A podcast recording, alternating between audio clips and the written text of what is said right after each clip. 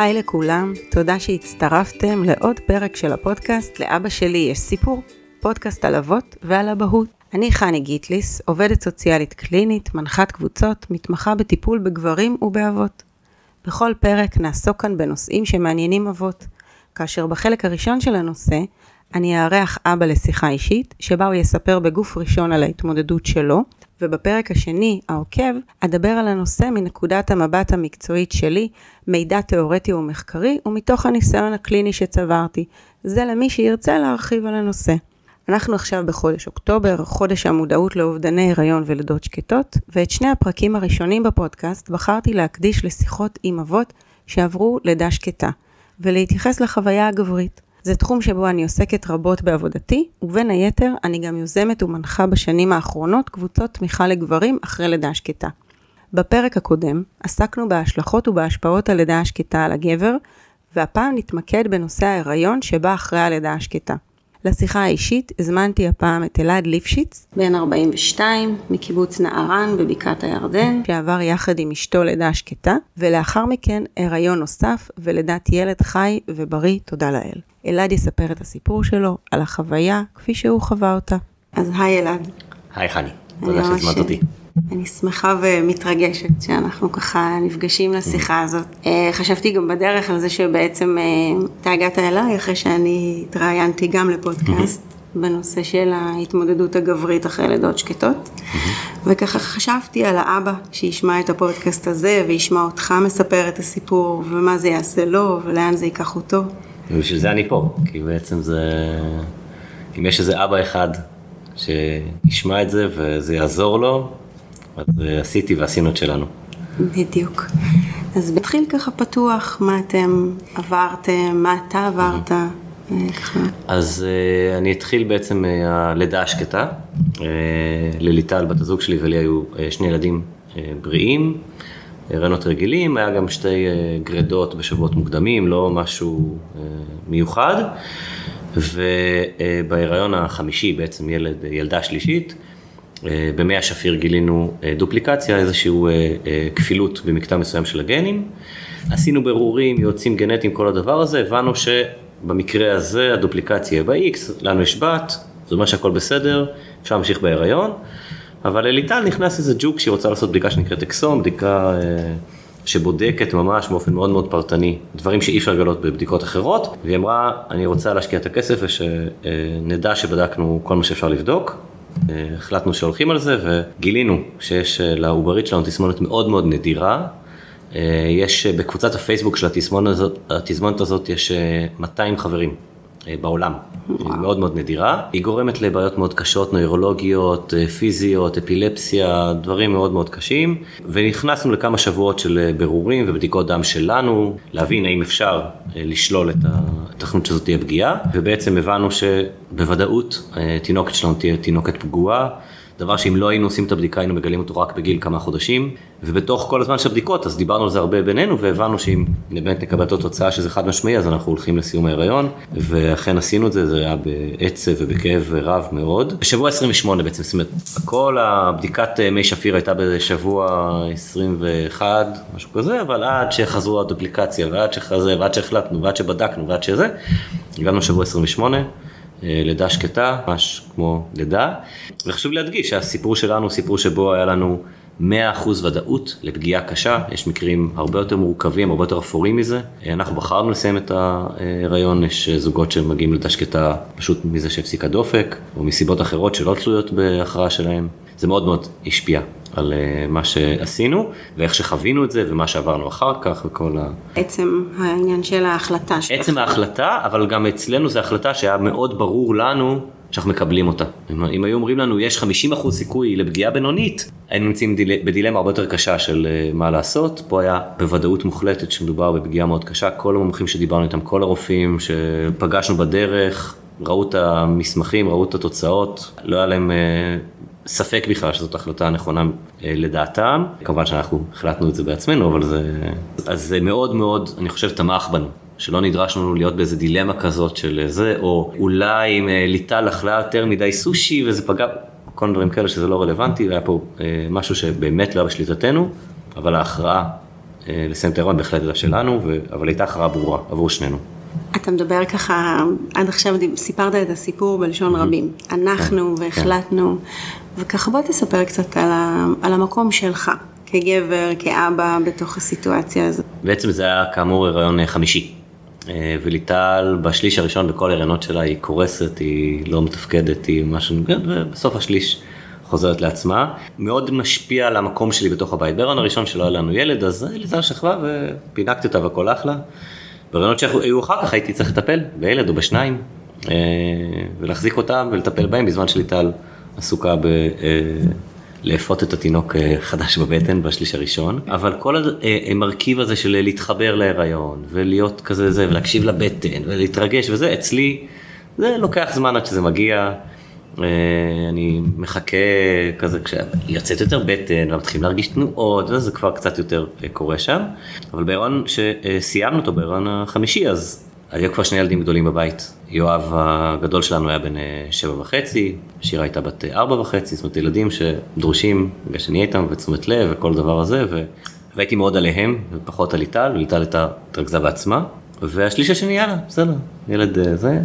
שלישי, זה גם אגב לא היה מובן מאליו שאנחנו הולכים על הסיפור הזה של ילד שלישי, זה לווה בהרבה שיחות בינינו והתלבטויות של האם אנחנו רוצים עוד ילד, לא רוצים עוד ילד, יש כבר משפחה, היא כבר עומדת, כבר ילדים מתחילים לגדול, אנחנו יכולים כבר להיות קצת יותר חופשיים בהתנהלות שלנו, עכשיו להכניס את עצמנו שוב לסיפור של ילד שלישי, בחרנו בזה בסוף, הלכנו על זה, ו... אבל גם כל החיבור שם היה מורכב, אבל בלידה השקטה עצמה, בגלל שהיה לנו הרבה זמן מראש להתכונן לזה, אני חושב שזה מאוד מאוד תמך בי וביכולת שלי לעבור את התהליך הזה בצורה יותר אה, בריאה. כי היה הרבה זמן לעבד, וגם בתהליך עצמו, אז uh, יש uh, סיפורים מאוד קשים על גברים ששולחים אותם לעשות כל מיני משימות ונותנים להם לקבל כל מיני החלטות בזמן שהאישה uh, יולדת, ואצלנו זה לא היה ככה. Uh, היינו כל הזמן ביחד. הייתה גם חברה טובה של ליטל, אה, שבאה לעזור לנו ב... לתמוך בלידה עצמה, זה אפשר לי מאוד להיות פנוי רגע לעצמי ולליטל ולא להחזיק את כל המסגרת, אה, כמו שהרבה פעמים אה, גברים עושים, וזה היה מאוד עצוב ומאוד כואב. זה מאוד מאוד כואב, אבל הייתה לי סביבה מאוד מאוד מחזקת. זאת אומרת, גם ליטל נתנה המון מקום לי, נתנו מקום, המון מקום אחד לשנייה בעצם. זה היה לגיטימי מבחינתה שאני לא אהיה חזק בשבילה, שאני לא צריך עכשיו להחזיק את הדברים, שאנחנו יכולים לשבת ביחד ולבכות ולהישבר ולהיות עצובים. הקהילה שלנו בקיבוץ, חברים בקיבוץ, היו מאוד מאוד תומכים, מאוד אפשרו לנו את כל הזמן שצריך כדי להיות בתוך הדברים. בעצם אני חודש יצאתי מהעבודה אה, ולא חזרתי אליה, ואפשרו לי את זה לגמרי ואף אחד לא אמר לי, יאללה תחזור כבר. ובתוך כל הדבר הזה גם... אה, גם חיפשתי עוד מקורות תמיכה קצת חיצוניים, שהם, אז גם שמעתי את הפודקאסט שאת התראיינת בו, וקראתי את הדוקטורט של נורית גלזר חודיק על גברים וילדות שקטות, וראיתי את סליחה על השאלה, ואחר כך גם קצת הצטרפתי לקבוצת התמיכה שהנחית, אה, שהייתה עבורי מקום מאוד מאוד מאוד חזק, אה, ומאוד משחרר ומאוד... אה, מרחב עיבוד בעין מאוד מאוד מאוד משמעותי לחוויה הזאת של לידה שקטה. למרות שהקבוצה הייתה מאוד מאוד מגוונת, בגילאים של האנשים שהשתתפו בה, בסטטוס המשפחתי שהם אה, הגיעו איתו, יש לידות ראשונות, לידות אה, זה, כמה זמן עבר מהלידה השקטה, ובתוך כל זה היה לי, היה לי מרחב, היה לי מקום לדבר עליו, שהוא שלי, ששם אני נמצא כגבר, אני לא נמצא כבן זוג. גם צריך להגיד, רוב הסביבה נתנה לי מקום. אה, זה מאוד לא נפוץ וזה מאוד מאוד מאוד תמך, אבל שאלו אותי מה שלומי. ולא רק אה, מה שלום ליטל. גם, גם דרשתי את המקום הזה, זאת אומרת, ידעתי גם להגיד, אני רוצה עכשיו לדבר על עצמי, וקיבלתי את זה בזרועות מאוד פתוחות, אבל... אולי זה גם לי. אפשר לך לקחת יותר מקום לעצמך. כן, זה, זה בין הסתם... הייתה לגיטימציה גם מהסביבה. בוודאי, בוודאי, הייתה לגיטימציה מלאה ומוחלטת מהסביבה, אה, וליטל...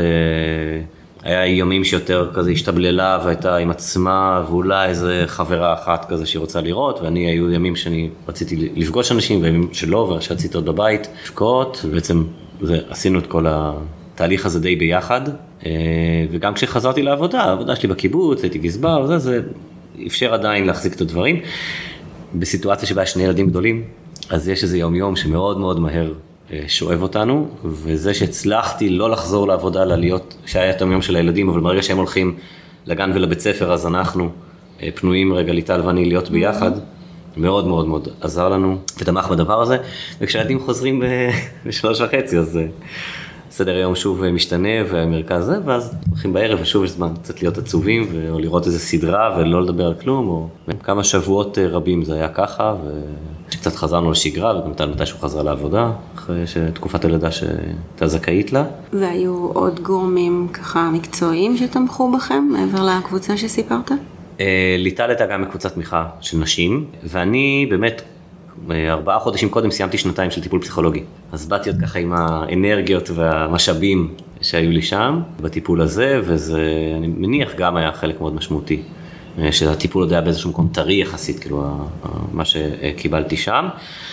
וגם אנחנו באמת חיים, קיבוץ נרן זה קיבוץ די ייחודי, בוגרים של תנועת המחנות העולים, ולדבר על החיים שלנו, זה דבר שהוא מאוד מאוד מאוד נפוץ ויש לו המון המון מקום. אז זה היה נורא טבעי לדבר. וברגע שמדברים על דברים, ויש מרחב אה, שמקבל אותם, וזה לא עכשיו מה אתה נופל עליי, ואנשים לא כל כך יודעים איך לאכול את זה ואיך לזה, אז יש לזה אה, הרבה מקום. יש חברה טובה, אגב, שגם עברה לידה שקטה כמה שנים קודם, גם היה זה, זה היה בהחלט מרחב מאוד... אה, אז זאת אומרת, אתה מההתחלה משתף, מדבר עם האנשים שסביבך, מהרגע הראשון, מהרגע הראשון, ממש יום אחרי שהייתה הלידה, אז גם שלחנו איזה מייל כזה לקיבוץ, שמשתף את כולם, גם האנשים שלא מאוד קרובים אלינו, להגיד, רגע, זה מה שקרה, אנחנו עצובים וכואבים, אה, אתם מוזמנים לפנות אלינו ולדבר איתנו ולשאול רגע מה שלומנו.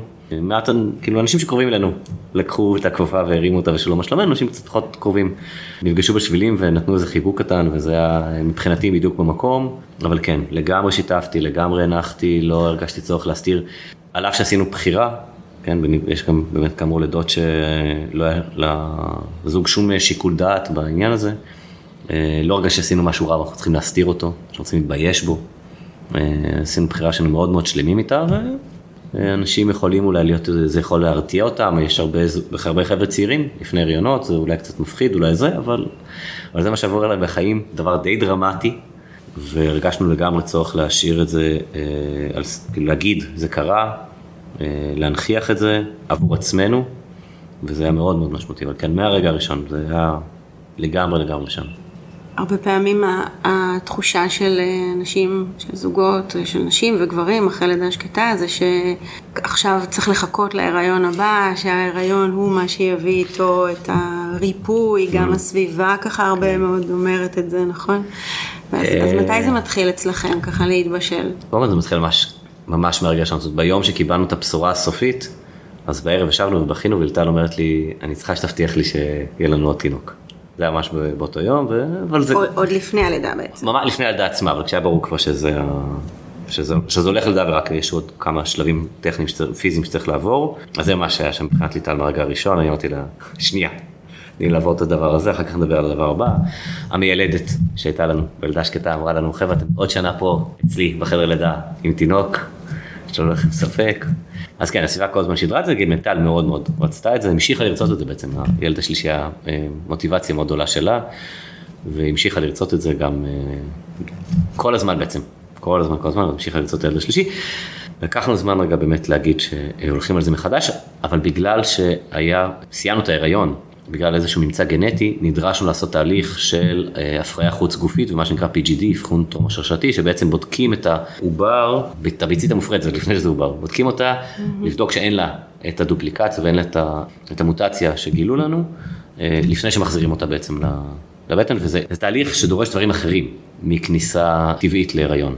חשוב להגיד שבעצם בחרתם באפשרות הזאת. כן, יכלנו לקחת את הסיכון, מדובר היה ב, אה, בעצם ב-25% סיכון, אה, סיכוי שיהיה תינוק בריא ו-75% סיכוי עם הדופליקציה, ובסיפור של הממצא הגנטי שבגללו, המוטציה שבגללה סיימנו בכלל את ההיריון, מדובר בשכיחות של בערך 3%, וזה המון יחסית לדברים אחרים שאפשר לדעת בהריונות. אז כן, אז בחרנו ללכת לסיפור של IVF. עוד לפני זה, mm-hmm. אתה ככה אומר שהיא מאוד מאוד רצתה, mm-hmm. אתה עוד ככה לגמרי, התלבטת, לגמרי, אבל לגמרי. היית צריך רגע לחשוב על זה, אז אתה זה- יכול קצת לספר על החלק הזה של ה... תראי, זה, זה, אני לא הרגשתי שהלידה השקטה שינתה משהו בדבר הזה. זאת אומרת, Mm. הדילמה על האם להביא עוד ילד שלישי כשהילדים שלנו כבר גדולים, וכבר אה, כאמור, כמו שאמרתי קודם, אנחנו יכולים לעשות כל מיני דברים והילדים מתנהלים עם עצמם, אנחנו לא צריכים כל הזמן להשגיח עליהם וזה, ועכשיו להכניס את עצמנו לעוד שלוש, ארבע שנים כזה של להיות צמודים צמודים על הילד, ולילות בלי שינה, וחיתולים, ו- וגמילה, ומוצצים וגמילה, ובקבוקים וגמילה, וכל הדבר הזה. ולערער משהו בסדר המשפחתי שכבר נוצר.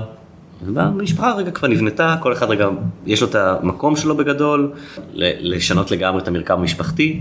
אז הרגשתי שהדילמה הזאת של האם לעשות את זה או לא, היא, היא אותה דילמה שהייתה לי גם לפני ההיריון שסיימנו, בלידה השקטה. הייתה עוד נקודת עצירה, אבל עכשיו פתאום אני. צריך להגיד, אני צריך מחדש להגיד, אני צריך לבחור את זה מחדש, בחרתי פעם אחת, עכשיו אני צריך לבחור מחדש. והרגשתי שהשיקולים של למה כן ולמה לא הם אותם שיקולים, זאת אומרת זה שהייתה לידה שקטה, כואבת וקשה ועצובה ככל שהייתה, זה לא משנה את מה שאנחנו, מה שאני חושב על המשפחה ומה המשמעות של להביא עוד ילד, ולמה כן ולמה לא, וזה, והמוטיבציה של ליטל והרצונות שלה ומה שהיא מבקשת שיקרה, זה, זה שריר וקיים. ואם לא היינו עושים בלידה שקטה, היה לנו עוד ילד כבר. אבל היו גם שם. דאגות, היו גם מחשבות על מה שעברתם ועל מה יכול לקרות.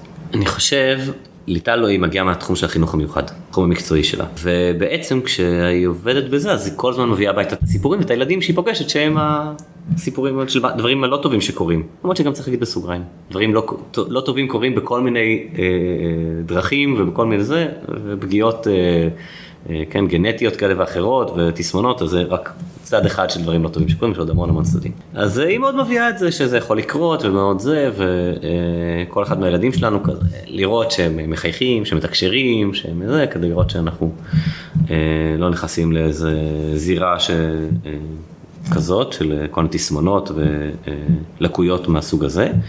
לא הרגשתי שהלידה השקטה, שוב, בגלל שמדובר פה בממצא גנטי מקרי לחלוטין, וידענו שאנחנו הולכים על ה-IVF, כלומר שהממצא הגנטי הזה לא יחזור, אנחנו נשארים כל שאר הבעיות שיכולות להיות בהריונות, בסדר?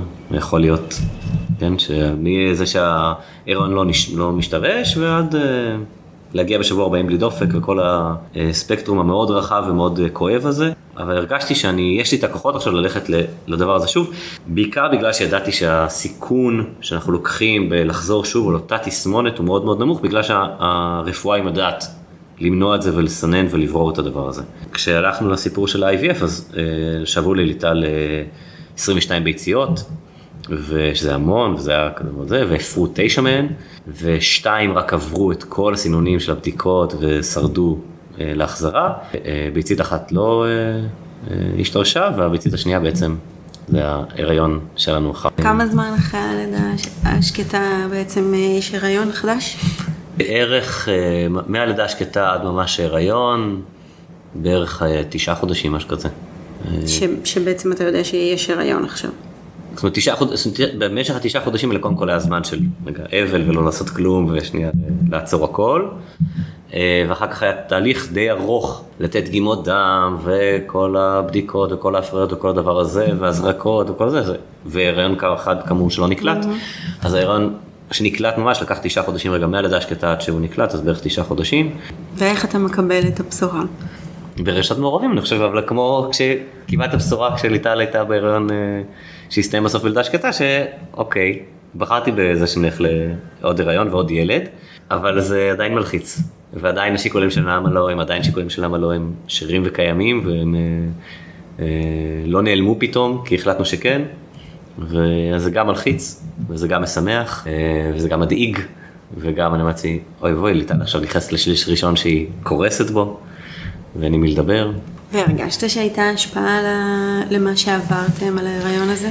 אני חושב, קודם כל זה היה כבר הריון שישי, אז גם הגענו עם איזה בשלות כזאת, ו- ואולי אפילו קצת עסק כזה. עברנו את זה כבר, ויודעים, והולכים רגע לסקירה נעשה פה, ואת הזה נעשה. ליטל גם יש בעיית קרישיות, אה, זה, אז ההיריון נחשב הריון בסיכון, אז היינו מטופלים אצל אותו רופא שכבר היינו מטופלים בהריונות הקודמים, וזה היה איזה שגרה כזאת קצת שכבר בתוכה, זה לאות כזאת קצת מהשגרה, אבל זה, אני חושב שגם ליטל וגם אני, הגענו להיריון הזה עם יותר ריחוק, פחות חיבור. זאת אומרת, אצל ליטל לא. זה נראה אחרת.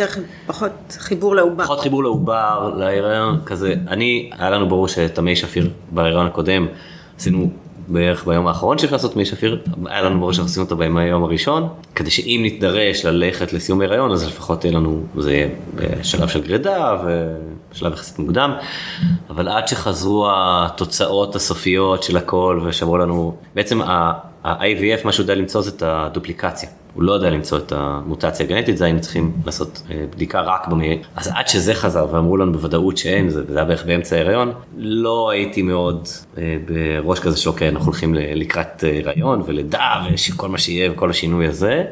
כל הזמן יש המתנה, יש המתנה, עד שיגידו ממש, לכם. ממש המתנה, עד, ש... עד שאפשר יהיה לעשות את הבדיקה, ועד שיחזרו התוצאות, זה, זה, זה בערך באמצע ההיריון, משהו כזה. תחילת שבוע 18, קיבלנו את התוצאות הסופיות, שהכל בסדר. עשינו כמובן את האקסום גם על כל הדברים שאפשר למצוא ולבדוק, עשינו את זה מחדש כדי שנדע שאין משהו אחר שנופל עלינו. אז כן, אז עד אמצע ההיריון יש יותר ריחוק, אני חושב, מה... לעומת הריונות קודמים. ואצלי גם ממש עד, ה, עד הלידה. בגלל שנחשפתי לסיפורים מאוד קשים של הכל בסדר והכל תקין וכל הבדיקות וכל הסקירות ומה שרק רוצים והמומחים הכי פרטיים ומה שלא יהיה ועדיין דברים קשים של רעיונות שמסתיימים. אז אני חושב שעד שממש אה, אדם יצא מהבטן ובכה ולקח לו אגב איזה שש שניות לבכות מאוד ארוכות. אז עד אז עוד לא לגמרי היית, אוקיי, יש, הולכת לנו תינוק. זה, הרגשתי זה ריחוק. איך זה מתבטא הריחוק הזה? איך זה, איך זה מורגש? אני חושב שקהות חושים קצת בכל הבדיקות לפני זאת, בהיריון הראשון בטח הולכים ורואים את האולטרסאונד ורואים את הזה ויש דופק ופתאום רואים איזה אצבע ופתאום רואים זה ואומרים לך איזה בד וזה. אני בא עם כזה פחות התלהבות ופחות התרגשות מהדבר הזה. כי אתה פחות מתרגש או כי אתה פחות מרשה לעצמך? אני חושב שאני פחות מרשה לעצמי. אני, קשה לי לזה, להגיד, אבל נראה לי שאני קצת פחות מרשה לעצמי. גם בהיריון הקודם שהסתיים, כן, בלידה שקטה, אז לא עפתי על ההיריון הזה. זה לא כאילו הייתי כל הזמן וזה וקרקרתי סביב זה וכל הזמן ליטל ואני תכננו זה, לא. זה היה הריון אה, סבבה והוא קורה ואחלה, אבל כשהלכנו כל בדיקה אז כזה אוקיי יופי איזה, איזה אחלה, איזה מתקדם. אבל אני חושב שגם האמביוולנטיות בכלל בילד שלישי בבחירה ללכת לדבר הזה זה גם חלק מהסיפור, אבל השילוב בין זה לבין הילדה שקטה, זה כזה כן הולכים לבדיקה. חשוב לדעת שהכל בסדר, יש איזו הקלה מסוימת בזה שעושים את המטמר של האולטרסאונד, והטכנאית אומרת, יש דופק מעולה, כל זה, משקל ממוצע, כל, כאילו, כל בדיקה בהיריון הזה עם אה, אדם, אז היא הייתה כבר בדיקה ממש אחלה, הרופאים היו מאוד מאוד מרוצים מהתוצאות בכל בדיקה שהיא, בכל, גם במדדים של ליטל, שכבר היו מאוד מאוד מרוצים. ועדיין כזה, אוקיי, זה, זה שאתם מרוצים זה אחלה, אבל אני צריך לראות את התינוק הזה בוכה לפני, שאת, לפני שאני מרוצה. אה, זה החוויה, אני חושב. וזה קצת בין לא להתרגש באמת לבין לא לתת לעצמי להתרגש, זה משהו שם ב... בין לבין. אתה מצליח באיזשהו שלב כבר, כאילו לדמיין אותו, לראות אותו חלק מהמשפחה, לא, לפנטז עליו? לא, אני חושב שממש עד הלידה עצמה, קודם כל אני טיפוס די אה, ריאלי וקונקרטי וכזה. אם. לא הבנו את זה עד עכשיו. כן. אה, אז זה קצת מאתגר אה, רגע לדמיין, כן, תינוק ואיך זה יהיה, גם אי אפשר לדעת איך זה יהיה. כן, שני הילדים הקודמים שלנו, כל אחד מהם היה נורא שונה, אחד, זאת אומרת יואב ושירה הם באמת כתינוקות, אני לא מדבר אפילו כילדים אחר כך יותר בוגרים, אבל גם כתינוקות הם מאוד מאוד שונים. איך אתה יודע איזה תינוק נופל לך? יש כאלה שישנים לילה שלם מהרגע הראשון, יש כאלה ששנה שלמה לא ישנים בכלל בערך, זה לא... אבל אפילו השאלות האלה, איך הוא יישן ואיך זה יהיה, כי זה שאלות שבהן כן. יש ילד. אני חושב שלא, שדי נמנעתי מלהתעסק בהן ולהעמיק בהן עם עצמי. זה קצת הגיע מליטל כזה של איזה, איך אתה חושב שהוא יהיה וכזה, לא יודע. גם ליטל הרבה פעמים, בכל ההיריונות, אבל גם בהיריון הזה ספציפי שאלה אותי, אתה מעדיף בן או בת? אמרתי לה, לא יודע, אני רוצה בריא. לא, לא יודע, בן יביא משהו מסוים, בת יביא משהו מסוים. האופי שלהם יביא הרבה מאוד מזה, לא רק המגדר, אה, אבל קודם כל שיהיה בריא ואחר כך נדבר על השאר. ו... ואז מגיע השלב שמתחילה להתקרב הלידה. Mm-hmm. אז איך, איך אתה נערך לזה? הייתי קצת בלחץ. חודש, ב- ב- כן, חודש לפני הלידה עצמה, זאת אומרת, במהלך חודש שמיני, איטל מעירה אותי באמצע הלילה, אה, יש לה פעימות מוקדמות, זה, יש לה זמן שלב, אחת לכמה זמן יש לו פתאום איזה פעימה עודפת כזאת, ואז הוא מתאפס, זה מטריד ומציק אבל זה לא, אין איזה סכנה חיים שלה. ללב שלה. ללב שלה, ללב שלה. זה דבר שידוע ויש לו אותו כבר מאז ההיריון עם יואב, והיא חיה איתו והכל בסבבה. והיא מעירה אותי באמצע הלילה ואומרת, יש לי פעימות מוקדמות והלב לא נרגע ואני לא מצליחה להרגיע אותו, מתלבטים שנייה מה לעשות, ומתייעצים עם אה, חברה שהיא חובשת במד"א, ומקפיצים חברה שתהיה עם הילדים, ועולים לחדר אה, מיון יולדות באמצע הלילה, ובדרך, כאילו מהרגע שהיא מעירה אותי למעשה.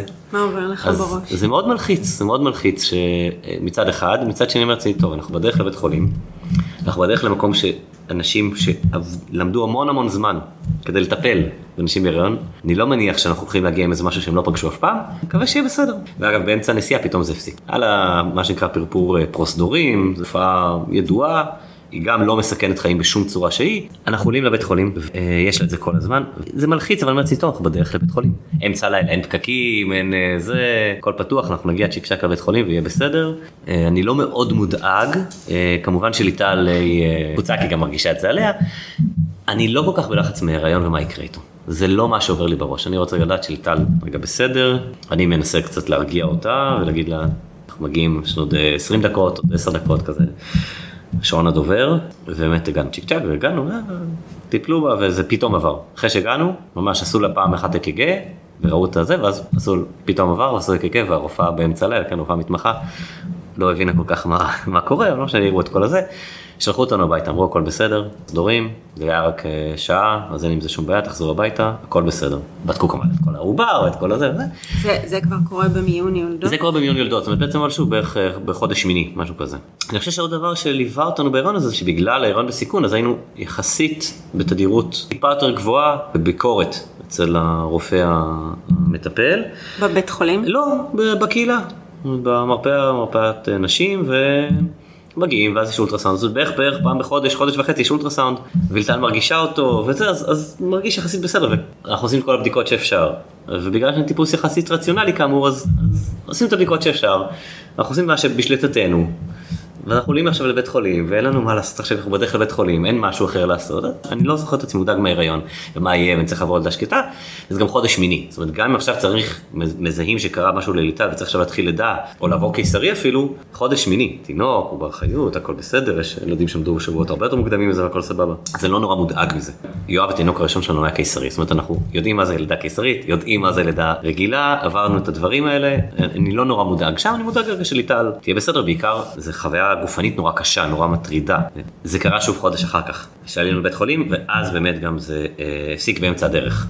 עוד לפני שהגענו לבית חולים זה הפסיק, אבל כבר היינו בדרך כלל בבית חולים באמצע הלילה וכזה, וכבר הבית חולים, כבר כל הוותיק הרפואי כבר מופיע, כל הזה, אז כבר ידעו קצת דרך להתייחס לזה, אבל בגלל שלטל יש את הקרישיות, מראש ידענו שההיריון לא יגיע לשבוע 40, אלא נסיים אותו אה, קודם, זאת אומרת, אחרי שקרה שוב הפרפור פרוסדורים הזה, הגיע הרופא של המיון יולדות ואמר, בוא נתחיל את הלידה, ו... התחילה לידה, והייתה לידה מהממת. רגע, אבל הרגע הזה שהוא אומר לכם בואו נתחיל. היינו נורא בשלים לזה כבר, נורא בשלים לזה. זאת אומרת, זה היה לנו ברור, אה, גם מבחינת ההיערכות עם הילדים והסבים וסבתות, וכן, והיציאה שלי רגע מהעבודה לפרק זמן אה, של הלידה ואחריה, מאוד היינו ערוכים לזה כבר. זה היה מאוד מאוד אה, ברור שזה הולך לזה. עוד יום, פחות יום, בסדר, אבל היינו נורא נורא בשלים. זה כאילו בגלל שידענו שזה לא יגיע לשבוע 40, כל התודעה שלנו, כל ה... זה, אז 38-40 mm-hmm. החדש, כבר היינו מאוד מאוד ערוכים לזה. אבל נגיד, הכניסה יש... הזאת היא שוב פעם לחדר לידה. פעם mm-hmm. קודמת נכנסתם לחדר לידה, mm-hmm. עברתם שם לידה שקטה.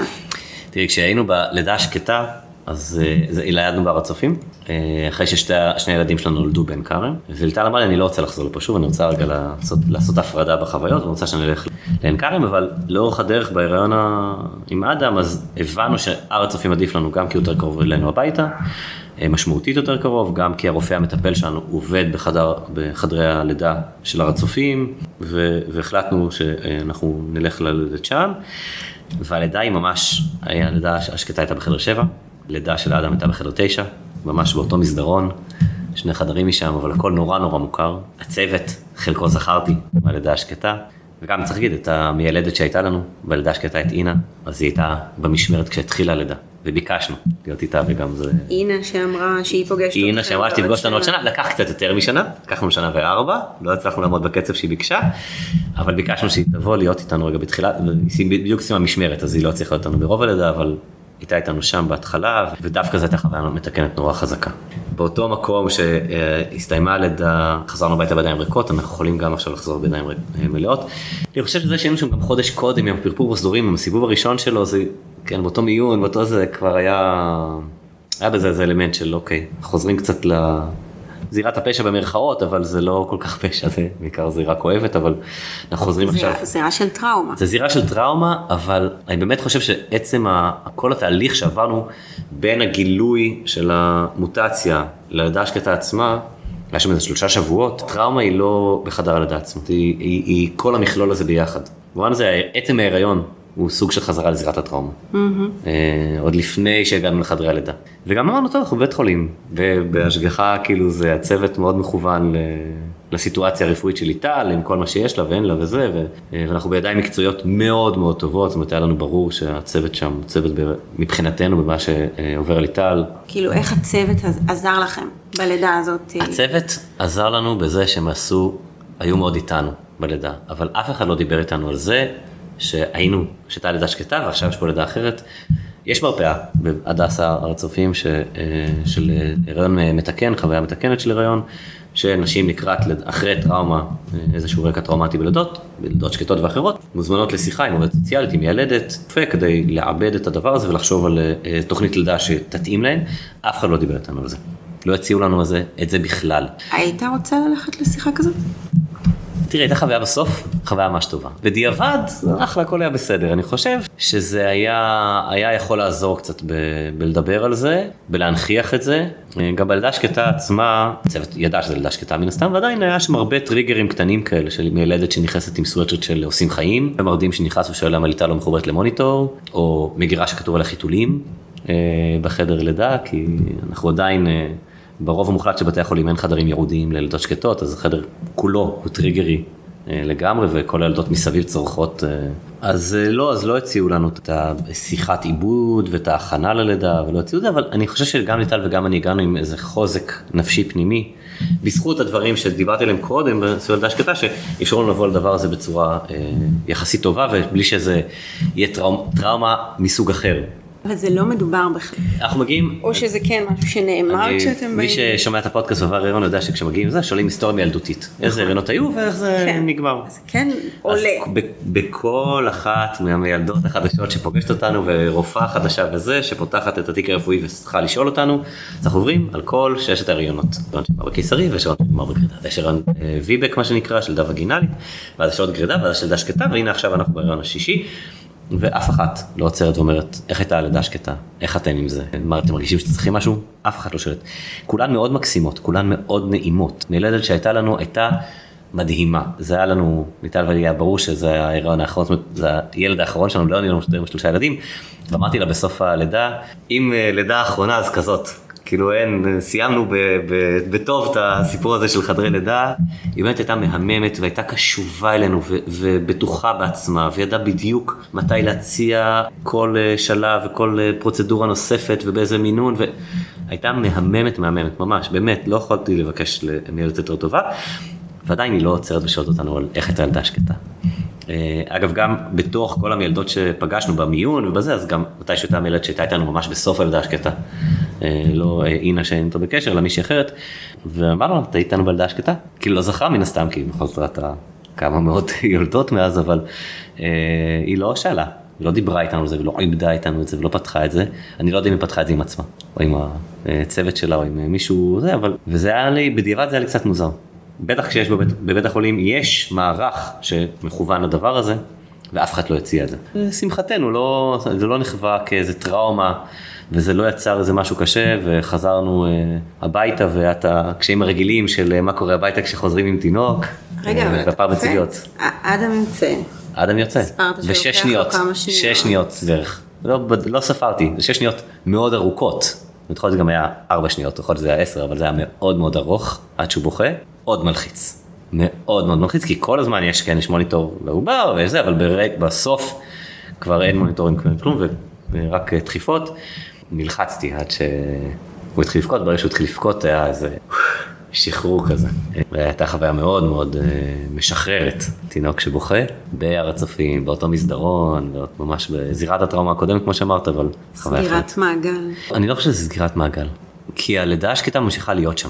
היא לא נעלמת. הצלחנו ליצור עוד משהו, עוד חוויה נוספת לצד זה, שהיא דומה בהמון המון מובנים ללידה השקטה, רק שהסוף שלה מתפצל, ושם זה הולך לטבעים אחרים. ההיריון, הבחירה להביא עוד ילד.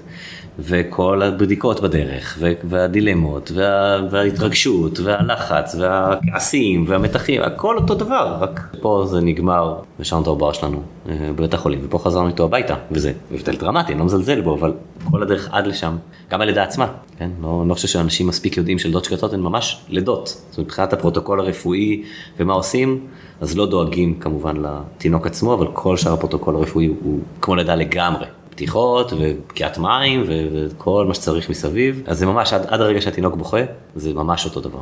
אז יצרנו עוד חוויה, לא סגרנו מעגל, אני לא חושב שבלידה שקטה בדרך חזרה מבית החולים, הייתה נשארה שם קצת להתאוששות, וחזרתי הביתה לילדים, דיברתי עם אה, אבא שלי, הוא התקשר, אה, זה, ניחם אותי קצת וזה, ואמר לי, אלא תסתכל על חצי הכוס המלאה, יש לכם ילדים מקסימים ומתוקים בבית, וליטל בסדר, ואתה בסדר, וכזה, ותסתכל על חצי הכוס המלאה. ואז באיזה אינסטינקט כזה אמרתי לו, אבא אין לי כוס אחת בחיים. ופתאום הבנתי כמה זה נכון, זאת אומרת יש לנו כבני אדם המון כוסות. וחלקן מלאות וחלקן ריקות, ולפעמים אנחנו מסתכלים יותר על המלאות, לפעמים מסתכלים יותר על הריקות, לפעמים זה לא כלים שלובים. שאם כוס אחת מלאה אז אחרת חייבת להיות ריקה. לא, אפשר שיהיו הרבה כוסות מלאות והרבה כוסות ריקות, וכל אחת בפני עצמה, ודברים הרבה יותר מורכבים מזה. אז גם בלידה הזאת, זאת אומרת יש שמחה על זה שיש תינוק, והוא אה, חי, והוא אה, חמוד, והוא נורא דומה לשירה, ונורא mm. זה, אה, ויש הקלה, זה נגמר, ויש חשש ומתח ועייפות, דאגות, ויש גם וגם, ויש, ויש רגע מה קורה שם ילדים בבית, שתגיד, הם היו גדולים כשסיימנו את ההיריון, היינו צריכים להגיד להם, הם ידעו כבר שיש הריון, ידעו שהולכת להיות תינוקת, הם צריכים לתווך להם את הדבר הזה שזה נגמר, בחרנו להגיד להם שהעוברית לא מצליחה לגדול להיות תינוקת, לא שיתפנו אותם, ב... אולי כשהם יגדלו וישמעו את הפודקאסט, אה, זה, אבל לא שיתפנו אותם בבחירה שלנו לסיים את ההיריון, בסיפור של מוטציה וכל הדבר הזה, בלידה שקטה, בזה שהיא לא התפתחה, ואנחנו צריכים, הרופאים צריכים ללכת לראות בגלל שההיריון אה, נגמר וכזה, ככה דיווחנו להם את זה והם קיבלו את זה, הם ילדים מקבלים את הדברים בגדול כפשוטם. אבל עכשיו צריך לתווך להם את זה שיש ילד בבית, אה, לדאוג לו ולטפל בו, אבל גם לא לשבת עליו ולמעוך אותו ולהחזיק אותו. אז אה, בעצם הוא כבר נולד לפני ארבעה חודשים. נכון. ואתה יכול להגיד משהו על החוויה של להיות אבא אחרי שאתה מתמודד עם לידה שקטה? כאילו על האבהות הזאת שאחר כך? הייתי אבא, אני אבא די ותיק. כשאדם נולד אז אה, שירה הייתה בת כמעט 6, יואב כמעט בן 9, זה כבר, כבר ילדים גדולים, יש לי כבר איזה ותק כאבא, זה גם קצת לחזור אחורה פתאום, כן? כל דברים שלא זכרתי שעושים עם תינוקות, אה, להרתיח מים למטרנה וכל מיני כאלה. אז אני לא מרגיש אה, שהלידה השקטה שינתה את האבהות שלי באופן מובחן ממה שהיא שינתה אותי בכלל כאדם. זאת אומרת, ההתמודדות הזאת עם, עם אבל, שמלווה גם בתחושה של הקלה, כי נמנע פה אסון, אם לא היינו מגלים את זה היינו נכנסים לטירוף מאוד גדול כמשפחה.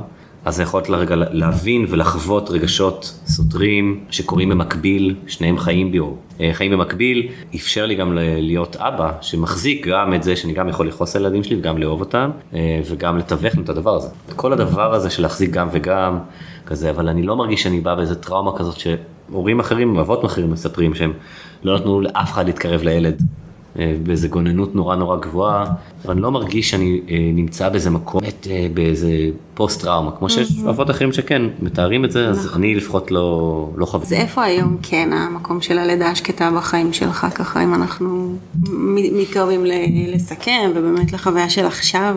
אני חושב שהלידה השקטה היא אירוע מאוד משמעותי בחיים שלי, שוב, ביכולת של אה, לדבר על דברים שקורים. של אה, להנכיח קשיים ואתגרים ולא להימנע מזה ולטשטש ולטאטא ולהגיד רגע זה לא זה. אז, אז היא נוכחת שם, אבל היא לא, היא לא מרכיב זהות מוביל שלי. זאת אומרת, זה לא, שלום, אני ילד, אני עברתי לידה שקטה, אני אבא לשני ילדים, זה לא, זה לא שם. אבל אתה כן מדבר על זה באופן פתוח. אני מדבר על זה באופן מאוד פתוח, כן, והיו ימי עיון שהשתתפתי בהם, והגעתי לאחרונה לכנס אה, באיכילוב שדיברתי בו על לידות שקטות, ואני מאוד מדבר על זה, ואני... כי זה איזשהו תהליך של אה, גם של התמודדות עצמית וריפוי עצמי. אומרת, זה לא רק כדי לעזור לצוותי רפואה ולגברים אחרים שעוברים לידות שקטות, רגע לעבור את הדבר הזה בצורה בריאה יותר, זה גם כדי לעזור לעצמי ואיזשהו אה, עיבוד פנימי ומקור חוזק שעכשיו אה, אני בונה דרך זה שאני תומך ועוזר לאנשים אחרים. אז כן, זה נורא פתוח וזה נורא שם, ואני לא נמנע מלדבר על זה כמעט אף פעם. אבל זה בהחלט, זה בהחלט אחד הדברים שמאפיינים אותי ולא הדבר שמאפיין אותי. אה, אני לא מרגיש שאני אבא אחר לאדם בגלל דעה שקטה, אני חושב שאני אבא אחר לאדם כי זה ילד שלישי, כי אני עברתי כל מיני דברים, אז אני אבא שונה לאדם ממה שהייתי קודם. כי עברתי דברים, כל מיני דברים בחיים.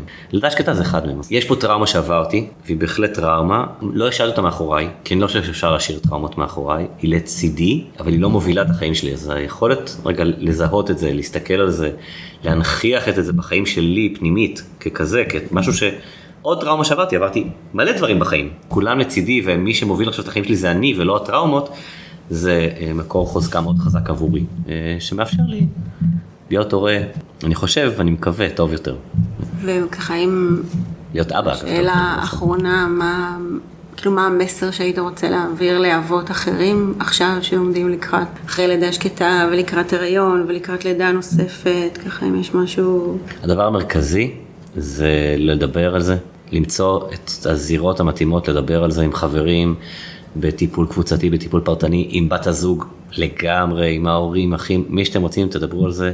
אל תשמרו בבטן, כמה שאתם יכולים בהתבוננות עצמית על מה עובר עליכם, איזה רגשות מתעוררים בכם, אל תדחיקו, רגשות זה הדבר הכי נורא שיכול להיות. זה נורא טבעי לנו כגברים, אנחנו בחברה שגברים צריכים להיות מאוד חזקים, מאוד ברורים, מאוד חדים, לתפעל הכל ולהחזיק הכל ולתת תשובות מאוד מאוד אה, חד משמעיות, ובהיריון, שזה ממלכה משוגעת של חוסר ודאות, וגם באבהות אחר כך, אז אה, דברו על זה, תהיו בעיניים פקוחות, תכירו בבלבול, תכירו ב... מורכבות, ברגשות הסותרים שיש לכם, אבל דברו על זה, פשוט תמצאו עם מי לדבר על זה. ממש ממש חשוב. אלעד, המון תודה. שככה באת וסיפרת בכזאת פתיחות אה, גם על הלידה השקטה וגם כל מה שבא אחר כך וגם על מה שאתה מרגיש. באמת תודה גם על כל העשייה שלך. כמו שדיברנו גם לפני, לשמוע את החוויה האישית, לשמוע את הדברים ככה ממך, יש לזה המון ערך, אני חושבת, לאנשים אחרים שישמעו, מאוד מאוד מחזק. תודה, ותודה לך, אני מקווה שהפודקאסט הזה יעזור לנו כחברה אה, לבנות את המקום של האבות אה, בצורה בריאה יותר וטובה יותר. הלוואי. טוב, תודה.